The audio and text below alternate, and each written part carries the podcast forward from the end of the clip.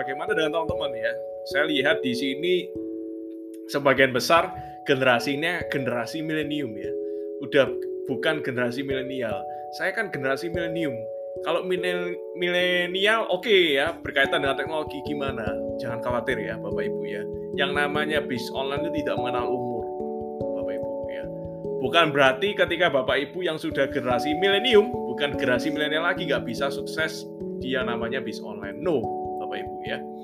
Kalau kita lihat statistik ya, ini kita bicara data. Kalau kita lihat statistik ya, ternyata kalau misalnya Bapak Ibu bisnis ya, Bapak Ibu bisnis ketika di atas usianya di atas 28 tahun ke atas ya atau di atas 30 tahun, itu ternyata tingkat kesuksesannya jauh lebih tinggi.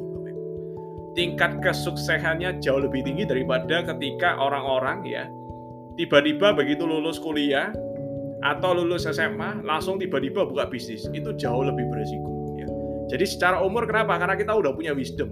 Kita udah punya pengalaman ya, kita udah pengalaman kerja di perusahaan, di company, itu sedikit banyak membantu Bapak Ibu. Sedikit banyak membantu. Dan ini bukan kata saya ya. Ini kata statistik Bapak Ibu ya. Based on data ya, bukan based on ini ya, bukan perkataan omongan si A, si B, no ya. Jadi data. Jadi data anggapannya Bapak Ibu yang sekarang itu jauh lebih tingkat kesusahannya jauh lebih tinggi Bapak Ibu. Itu yang pertama.